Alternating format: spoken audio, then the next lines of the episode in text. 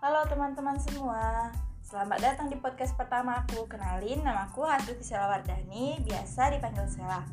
Baik, kali ini aku akan menjelaskan apakah kecanggihan teknologi digital berpeluang menggerus tataran identitas nasional. Menurutku, jawabannya adalah ya. Kecanggihan teknologi digital berpeluang menggerus tataran identitas nasional.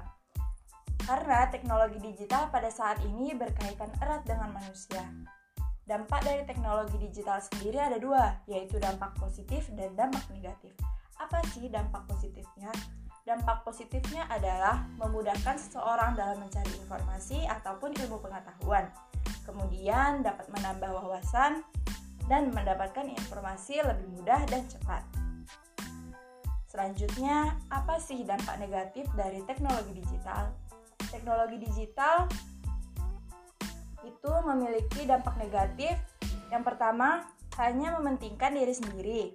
Yang kedua, sedikit mengikuti budaya kebarat-baratan, mulai dari cara berbicara, berperilaku, pergaulan, dan lain-lain.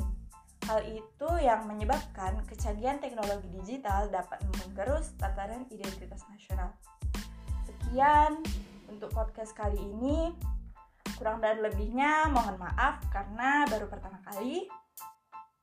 Hmm, sampai jumpa di podcast selanjutnya kalau ada materi lagi ya.